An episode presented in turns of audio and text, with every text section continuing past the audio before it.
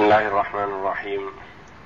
الحمد لله رب العالمين والصلاة والسلام على نبينا محمد وعلى آله وصحبه أجمعين وبعد. أعوذ بالله من الشيطان الرجيم. لقد أرسلنا نوحا إلى قومه فقال يا قوم اعبدوا الله ما لكم من إله غيره. إني أخاف عليكم عذاب يوم عظيم. قال الملأ من قومه إنا لنراك في ضلال مبين. قال يا قوم ليس بي ضلالة ولكني رسول من رب العالمين. أبلغكم رسالات ربي وأنصح لكم وأعلم من الله ما لا تعلمون.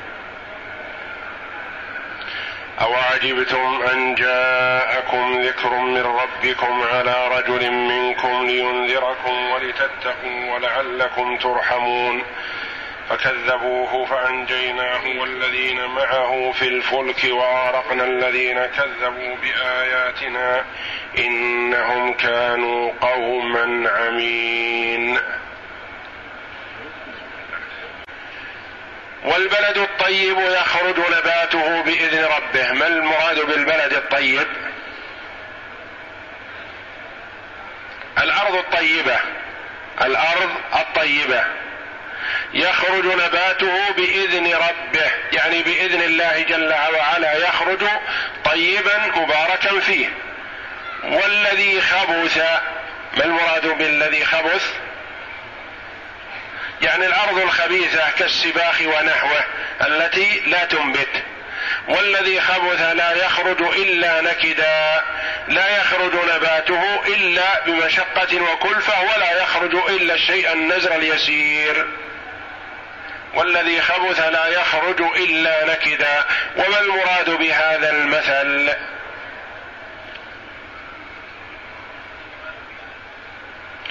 مثل ضربه الله جل وعلا للمؤمن والكافر. فقد أنزل الله جل وعلا القرآن على محمد صلى الله عليه وسلم فبينه للناس. فالناس عند ذلك انقسموا إلى قسمين. قسم قبل ما جاء به محمد صلى الله عليه وسلم من الهدى ونور الحق وآمن بالله ومن الناس من لم يرفع بذلك رأسا. وكما ثبت في الحديث أن النبي صلى الله عليه وسلم قال مثل ما بعثني الله به من الهدى والنور كمثل غيث أصاب أرضا.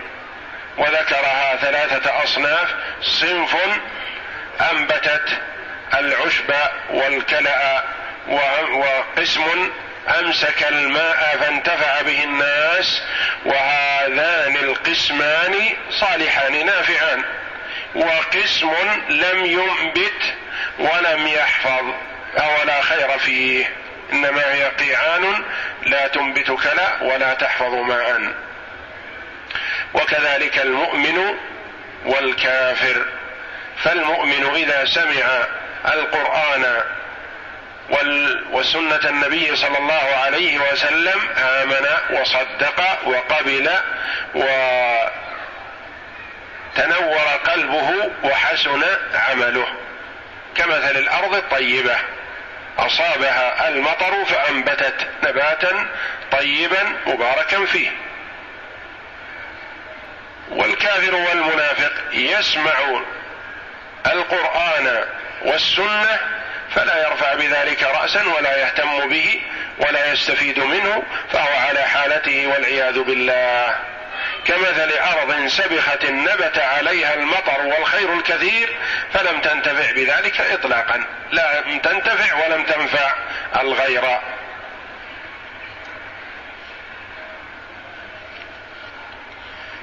كذلك نصرف الآيات نصرف تصريف نبين ونميز ونوضح الآيات لقوم يشكرون يعني لمن يشكر الله جل وعلا هو الذي يستفيد.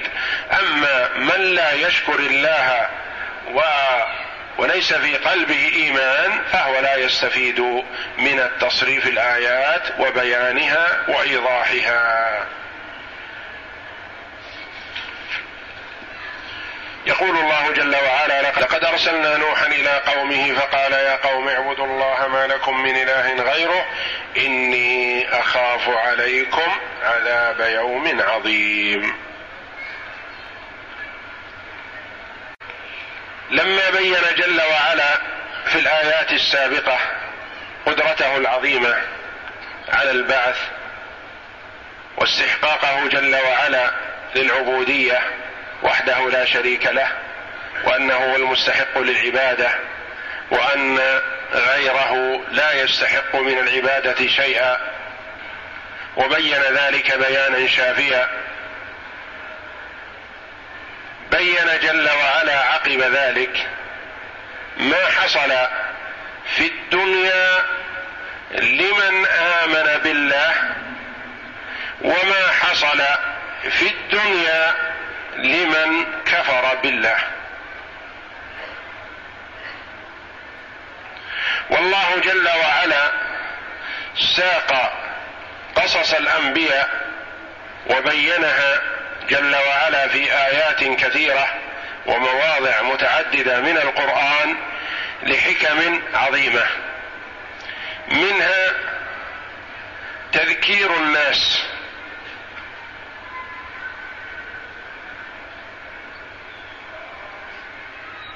بما حصل لمن آمن بالله من النصر والتأييد وما حصل لمن كفر بالله من الهلاك والعذاب الأليم.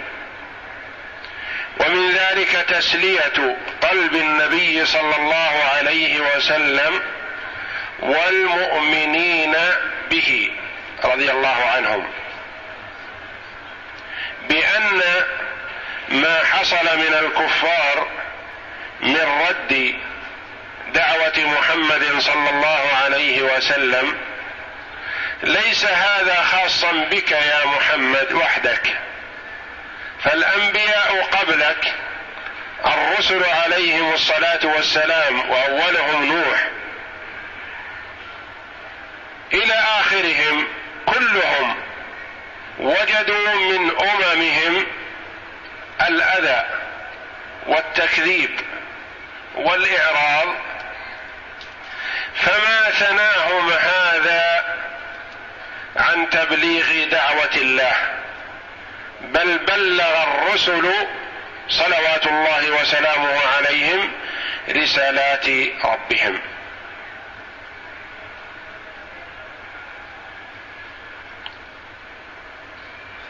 وحفز لهمم المؤمنين في الثبات على الحق والدعوة إلى الله وإن أعرض من أعرض عن ذلك من الناس. فهذه سنة الله في خلقه بأن الكثير من الناس لا يقبل الحق. وأن على المرء أن يتمسك بالسنة وإن قل سالكوها. ويحذر البدعة والشرك. وإن كثر سالكوه. وعلى المرء أن يتثبت من طريقته وأنه يسير على سنة فيعض عليها بالنواجذ.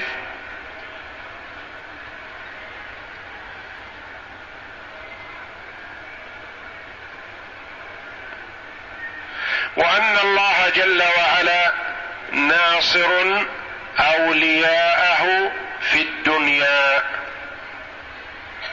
كما أنه ناصرهم في الدار الآخرة. كما وعد بذلك جل وعلا في قوله إنا لننصر رسلنا والذين آمنوا في الحياة الدنيا ويوم يقوم الأشهاد. يوم القيامة.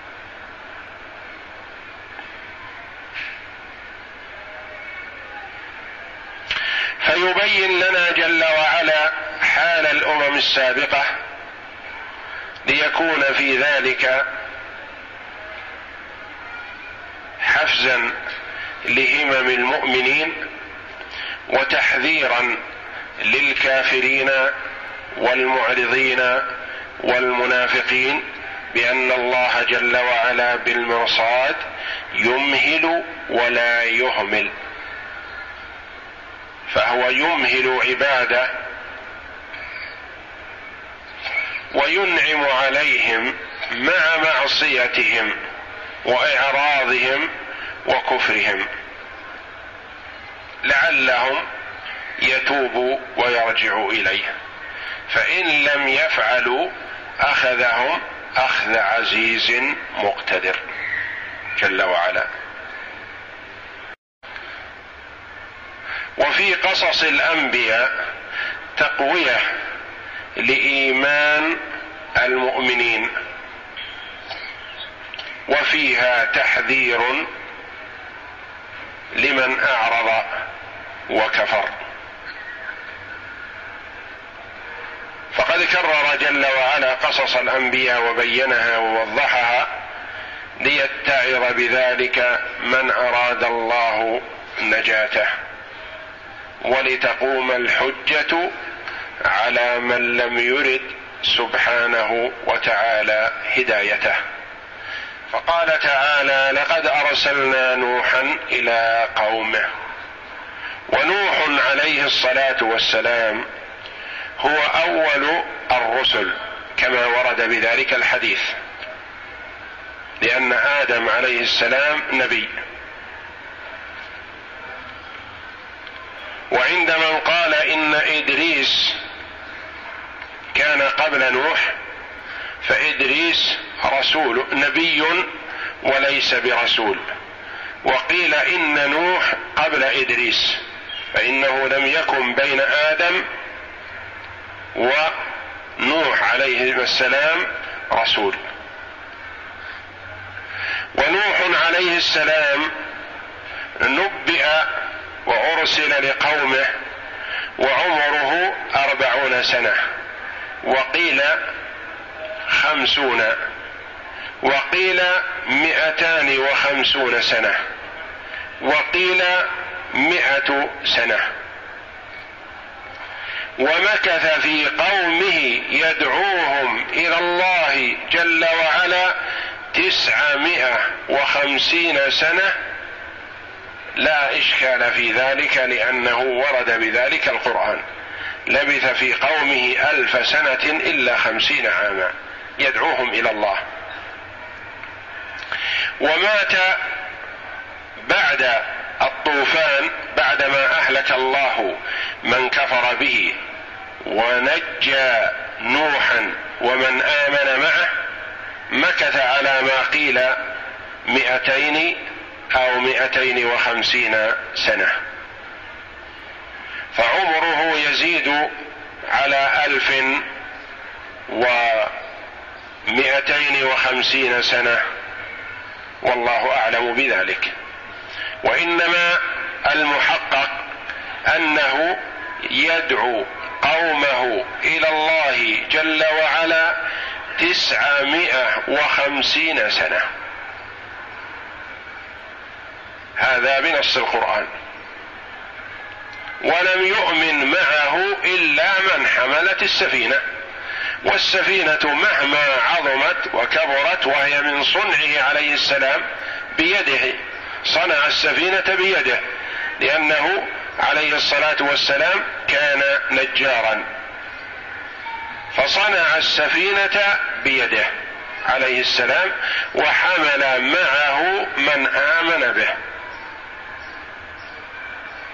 وأغرق الله أهل الأرض لما كفروا به بنوح عليه السلام.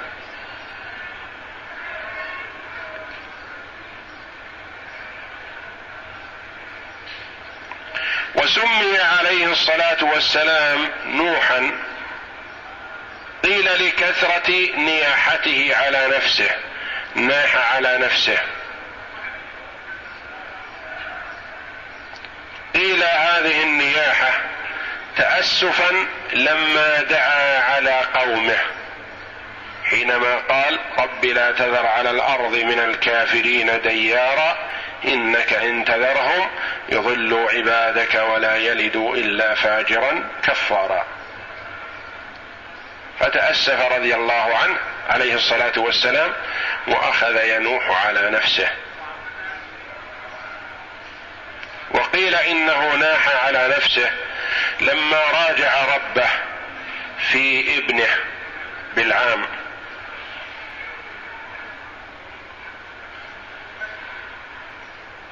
وذلك أنه قال رب إن ابني من أهلي وإن وعدك الحق.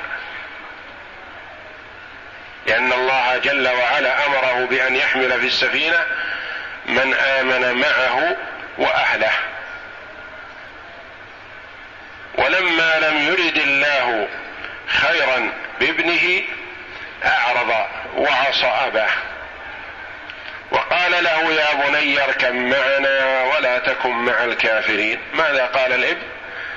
قال سآوي إلى جبل يعصمني من الماء. قال لا عاصم اليوم من أمر الله إلا من رحم. وحال بينهما الموج فكان من المغرقين. ابن نوح ما نفعه نوح عليه السلام؟ وإنما الهداية والتوفيق بيد الله سبحانه وتعالى. عند ذلك قال نوح رب إن ابني من أهلي وإن وعدك الحق وأنت أحكم الحاكمين. قال يا نوح إنه ليس من أهلك إنه عمل غير صالح. فلا تسألني ما ليس لك به علم إني أعظك أن تكون من الجاهلين. فعند ذلك ناح نوح على نفسه عليه السلام حيث راجع ربه في ولده الذي لم يرد الله هدايته. وقال إنه ليس من أهلك لأن أهلك الطيبين ونوح ليس من أهلك فأهل الرجل هم موافقوه على دينه وعلى عقيدته. أما من لم يوافق فلا فهذا نوح ابنه لصلبه. ويقول الله جل وعلا إنه ليس من أهلك لما؟ إنه عمل غير صالح. فلا تسألني ما ليس لك به علم. وسلمان الفارسي ماذا قال فيه الرسول عليه الصلاة والسلام؟ سلمان منا آل البيت. فالقرابة قرابة النسب لا مكان لها مع اختلاف الدين.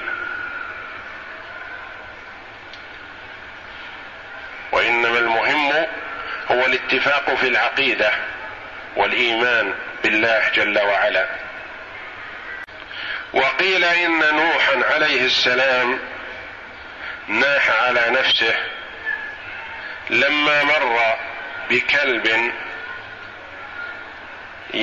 فيه جذام فقال له اخسأ أو كلمة نحوها. فعاتبه ربه جل وعلا فقال يا نوح أعبت الكلب أم عبتني؟ لأني أنا الخالق له. فناح على نفسه تأسفا على ما صدر منه عليه الصلاة والسلام.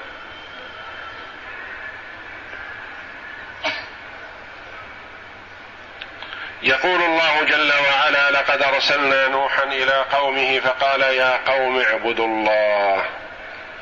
لقد أرسلنا نوحا إلى قومه فقال يا قوم. فقال كأنه جواب سؤال. لقد أرسلنا نوحا إلى قومه ثم ماذا؟ كأن قائلا يقول ما الذي حصل؟ قال فقال يا قوم اعبدوا الله. ولقد اللام هنا في أول في صدر الكلام واقعة في جواب قسم مقدر محذوف. والله لقد أرسلنا نوحا إلى قومه. لقد أرسلنا نوحا إلى قومه فقال يا قوم اعبدوا الله. وقوم الرجل هم قرابته. المساكنون له المقيمون معه. والأصل أنه القرابة.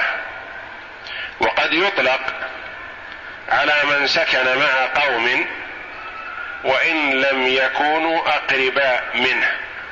فيقول قومي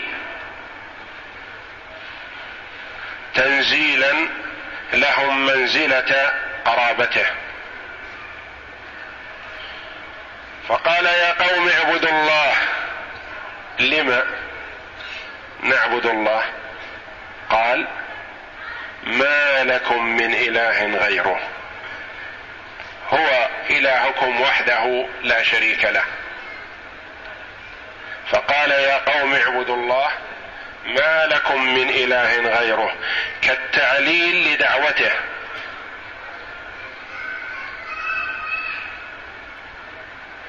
إني أخاف عليكم عذاب يوم عظيم.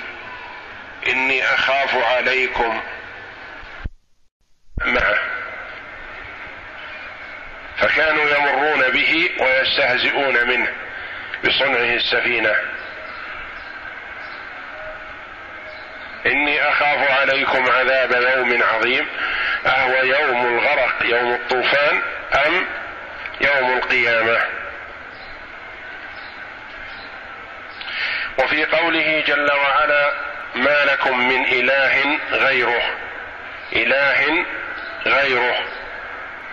غير هذه تقرأ قراءة الجمهور بالضم.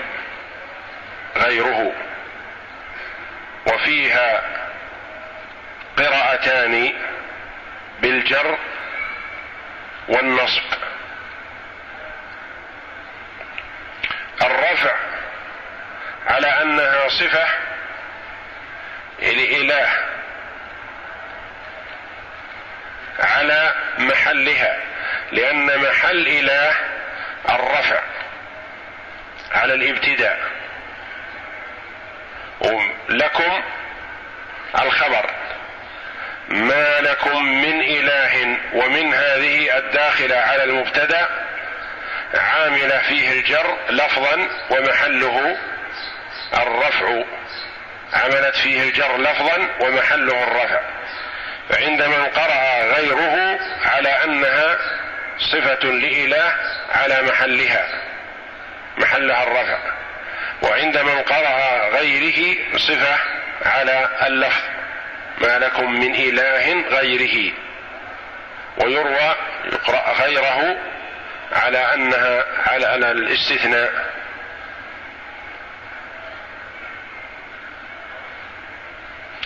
قال الملأ من قومه إنا لنراك في ضلال مبين. ما المراد بالملأ؟ إلى المراد الكبراء والعظماء وهم الذين يعارضون غالبا دعوة الرسل عليهم الصلاة والسلام. وغالبا ما يعارضها هؤلاء لما لأنها تنزع منهم السلطة وتنزع منهم العظمة لأن دعوة الرسل تأمر بالمواساة وبالتواضع وأن لا يطغى أحد على أحد وأن لا يتكبر أحد على أحد. فما رد العظماء دعوة الرسل عليهم الصلاة والسلام إلا لأنها تنزعهم مما سيطر عليهم في نفوسهم من الغطرسة والعظمة.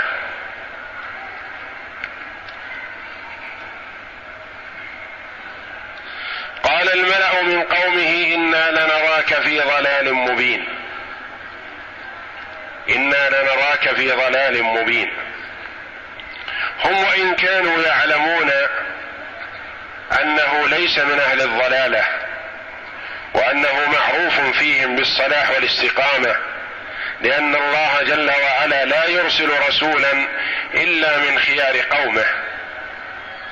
لا يرسل رسولا إلا من الخيار.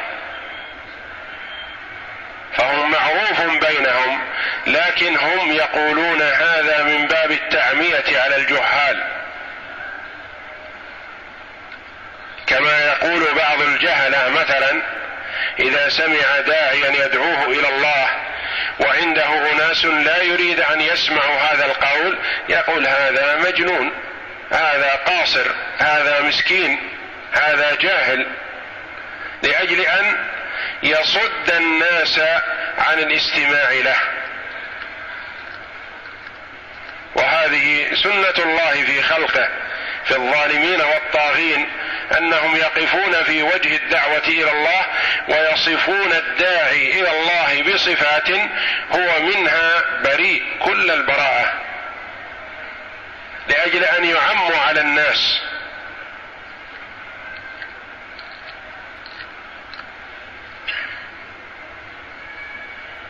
كما قال كفار قريش بالنسبة لمحمد صلى الله عليه وسلم قالوا ساحر وقالوا كاهن وقالوا شاعر وهم يعرفون في حقيقة نفوسهم أنه خيار الناس في وقت الجاهلية وقبل أن ينزل عليه الوحي هو خيار الناس ولا يزيده الوحي إلا خيرية لا ينقصه الوحي أبدا ولكنهم يقولون ذلك لأجل أن يعموا على عامة الناس. قال الملأ من قومه إنا لنراك في ضلال مبين. والضال هو من تجنب الصراط المستقيم. من تجنب الصراط المستقيم سواء كان حسيا أو معنويا. حسيا رجل يسير على الطريق في البرية تقول هذا مهتدي. وجدت شخصا آخر حائد بعيد عن الصراع عن الطريق عن الجادة المعروفة تقول هذا ضال. هذا ضال. ضلال حسي يعني بعيد عن الطريق الذي يوصله. بهذا الطريق لا يصل. هو ضال. فكذلك قال هؤلاء المتغطرسون قالوا قال الملأ من قومه إنا لنراك نشاهدك ونرى حالك أنك ضال لست على هدى وليس على ولست على طريق يوصلك. ماذا قال لهم عليه الصلاة والسلام؟ قال يا قومي من باب الاستعطاف لهم ولعلهم أن ينتبهوا لما يقول فيستفيدوا من قوله يا قومي مثل ما تقول يا أخي يا ابني يا عمي.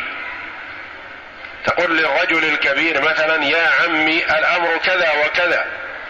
مثلا وإن لم يكن اخا لأبيك لكن تقوله من باب الاستعطاف يا أخي يا ابني. قال يا قوم ليس بي ضلالة لست تائه ولست مجتنبا للصراط المستقيم ولكني ولكني رسول من رب العالمين.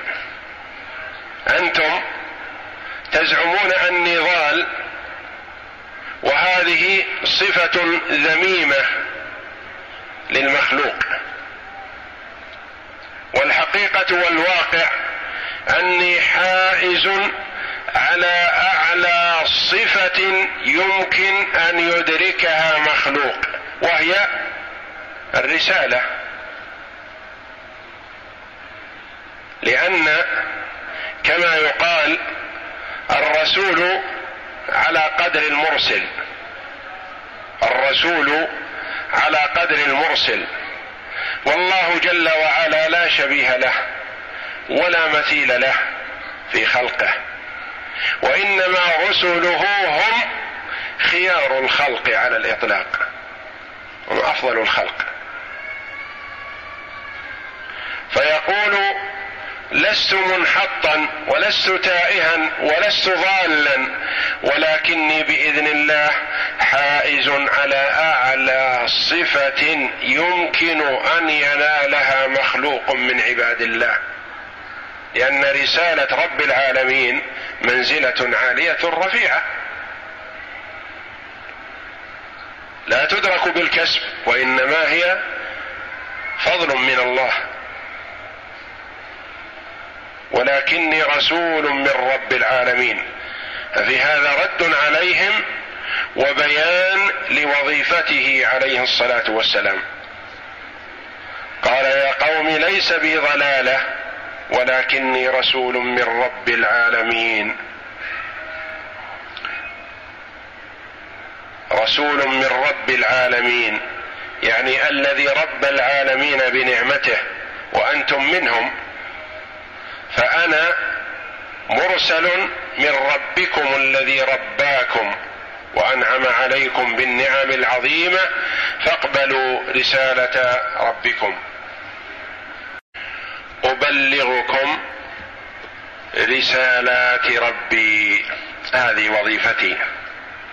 رسالة أرسلني بها ربي إليكم فأنا أبلغكم إياها. ومع تبليغي أنا ناصح لكم. فالتبليغ شيء والنصح شيء آخر فهو جمع بينهما على نبينا وعليه أفضل الصلاة والسلام. أبلغكم وصلها إليكم. رسالات ربي وأنصح لكم. النصح هو الإخلاص في بيان ما ينفع المرأة.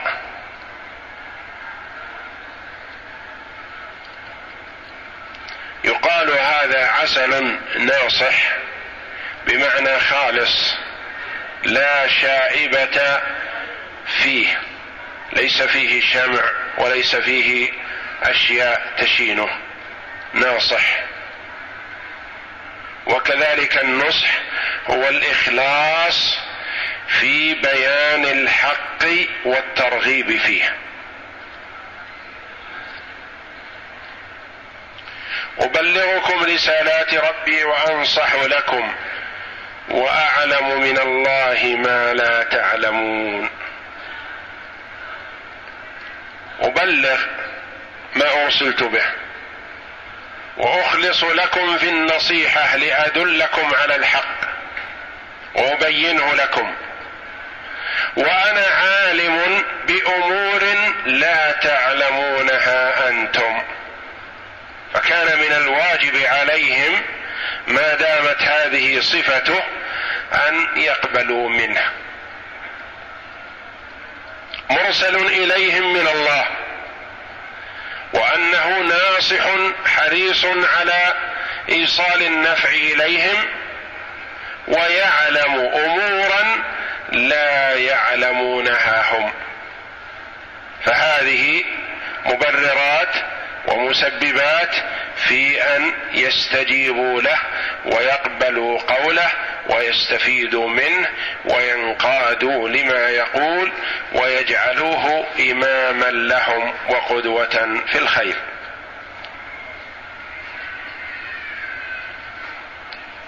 ثم يقول جل وعلا عن نوح عليه السلام أنه قال أوعجبتم أن جاءكم ذكر من ربكم على رجل منكم لينذركم ولعلكم تتقون؟ لينذركم ولتتقوا. لينذركم ولتتقوا. ولعلكم ترحمون. أو عجبتم الهمزة هنا للاستفهام. والواو هذه حرف عطف. عاطفة على ماذا؟ بين حرف الاستفهام والواو جملة معطوف عليها. أكذبتم قولي وعجبتم أن جاءكم ذكر من ربكم ارددتم قولي وعجبتم أكفرتم بما جئتكم به وعجبتم أن جاءكم هذا لا يستدعي العجب كيف تعجبون أن يأتيكم ذكر من ربكم على رجل منكم ليس بأجنبي وليس بمجهول الحال لأن القوم إذا جاءهم رجل بعيد عنهم قالوا هذا يحتمل الصدق والكذب ما ندري. يجوز أنه مطرود من قومه فجاء ليكذب علينا ليتزعم علينا ليترأس لينال منا امرا.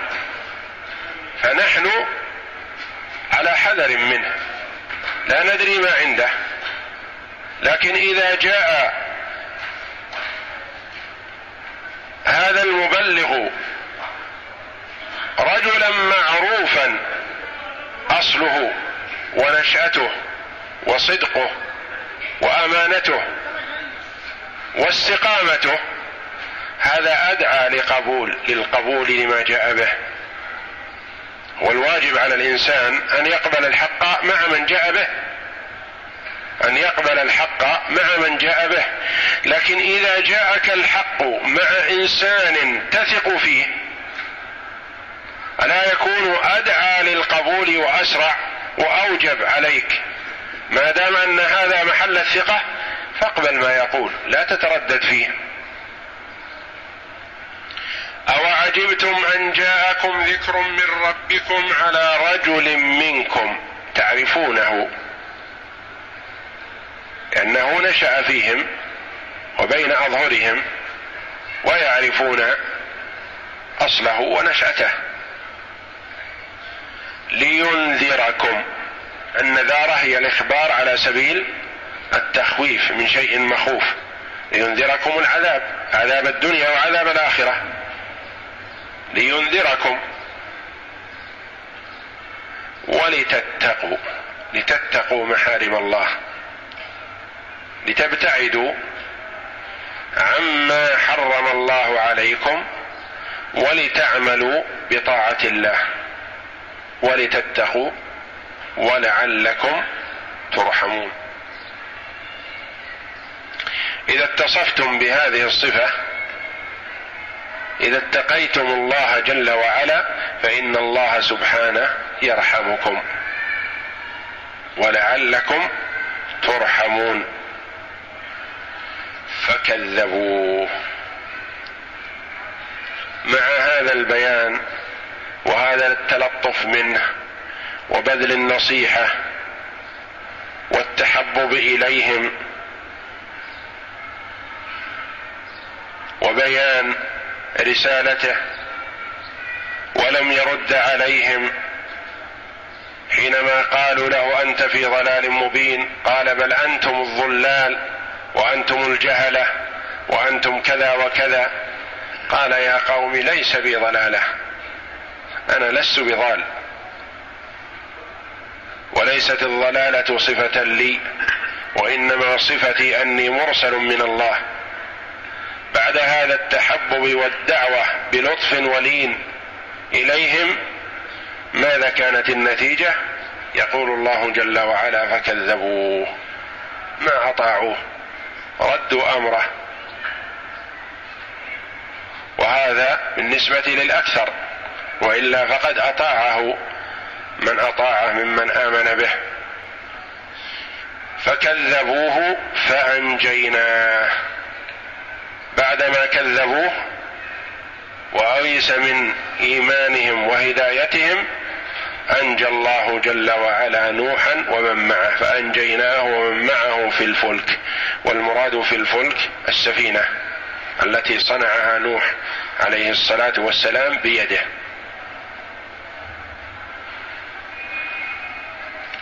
وأغرقنا الذين كذبوا بآياتنا.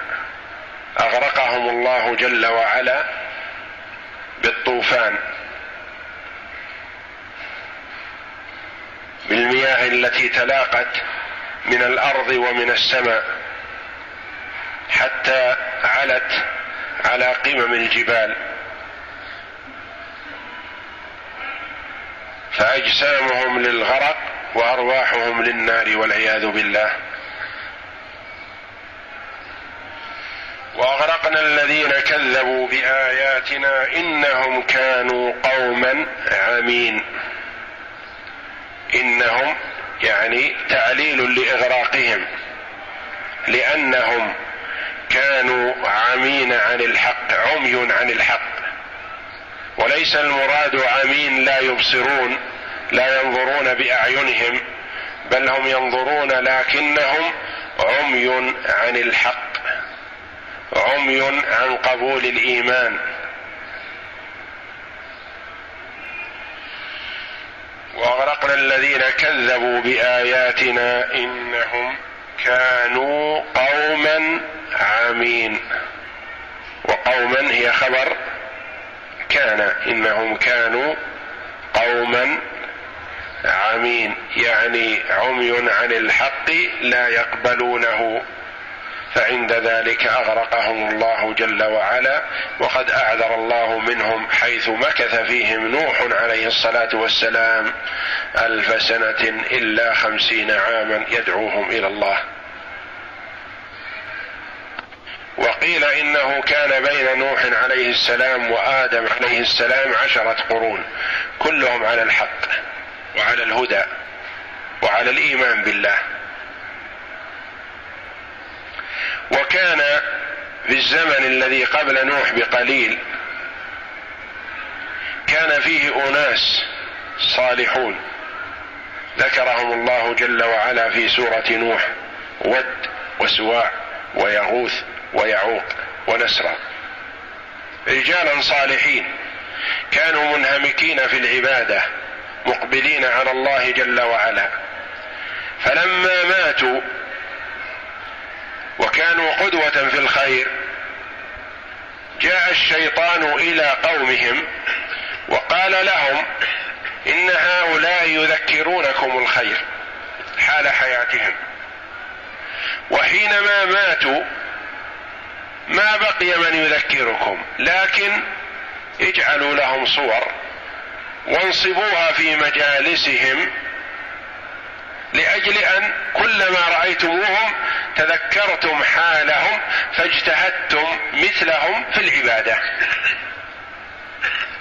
فقالوا هذا رأي حسن وهو رأي للشيطان.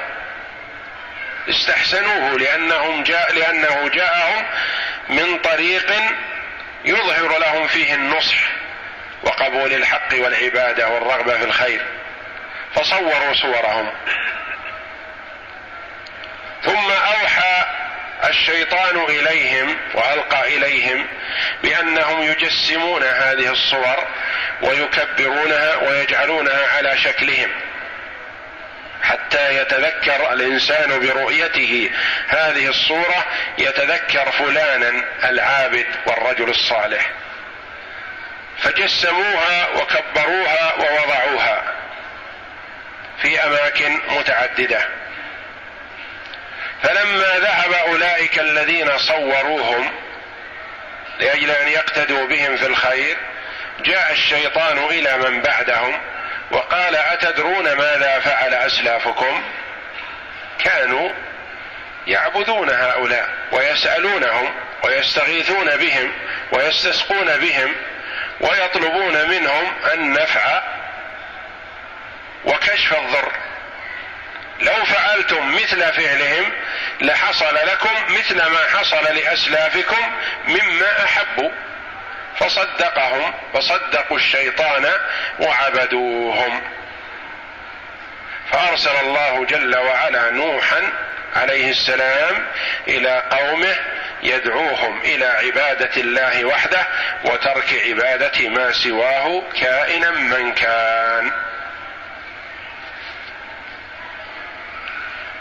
ومن هذا حذرنا النبي صلى الله عليه وسلم عن الصور وعن نصبها تصويرها ونصبها ورفعها في المجالس. مبينا عليه الصلاة والسلام أن أول شرك حدث في الأرض كان بسبب الصور. فلذا حرم علينا صلى الله عليه وسلم التصوير وقال عليه الصلاة والسلام إن أشد الناس عذابا يوم القيامة المصورون. ورد في الحديث أن الله يقذف المصورين وصورهم في النار ثم يقول جل وعلا للمصورين أحيوا ما خلقتم.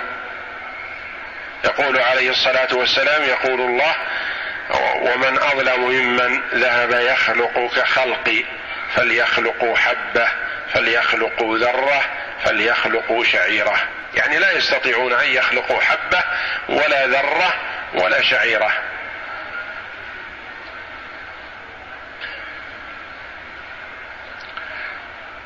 فأول شرك حدث في الأرض كان بسبب التصوير. وبسبب ايحاء من الشيطان بطريق النصح.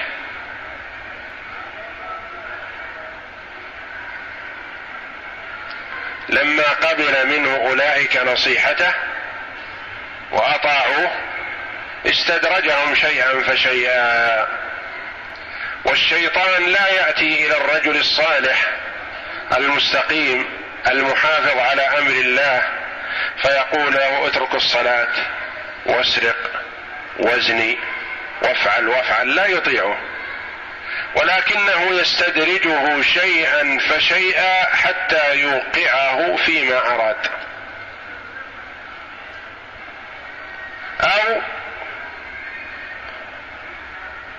يلقي في نفسه الغلو والزيادة على الحد المطلوب فيخرجه عن الاستقامة. كما قال ابن القيم رحمه الله أن الشيطان يأتي إلى قلب ابن آدم فيشمه. فإن وجد فيه رغبة في الخير حاول أن يزيده ليخرجه عن الحق. فيخرج إلى باب الغلو والزيادة. وقد حذرنا النبي صلى الله عليه وسلم من الغلو. ومجاوزة الحد. فإن وجد فيه ليونه وقبول لما يقول استدرجه شيئا فشيئا حتى يجعله يتخلف عن صلاة الجماعة. ثم يؤخر الصلاة عن أول وقتها ثم يؤخرها عن وقتها وشيئا فشيئا حتى يتركها. فاللعين خبيث. وأقسم بعزة الله بأنه حريص على إغواء بني آدم. وسيبذل كل ما يستطيعه لتحقيق ما أقسم عليه.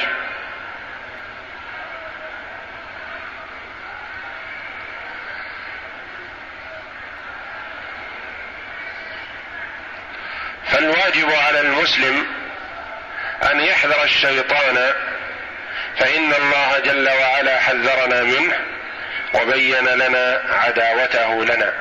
إن الشيطان لكم عدو فاتخذوه عدوا إنما يدعو حزبه ليكونوا من أصحاب السعير.